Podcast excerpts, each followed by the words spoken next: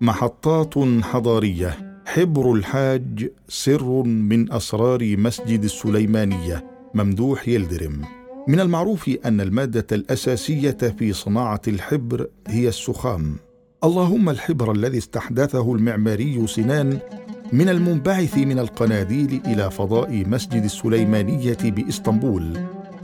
والملفت للنظر في هذا الحبر تسميته بحبر الحاج.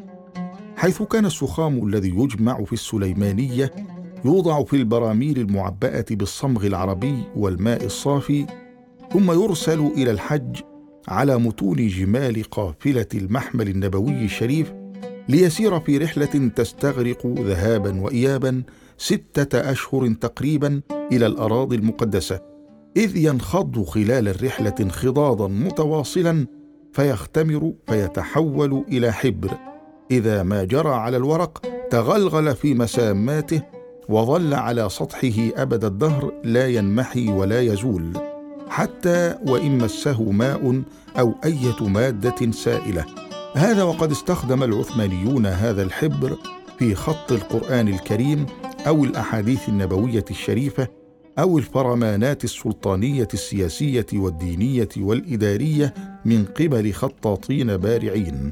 لقد استحدث المعماري سنان فتحات صغيرة أسفل قبة جامع السليمانية جعلها في اتجاهات مختلفة ليتمكن من الحصول على تيار صاعد يجذب وراءه السخام المتصاعد من القناديل البالغ عددها 275 قنديلا فيجمعه عبر هذه الفتحات في مكان معين للإفادة منه في صناعة الحبر.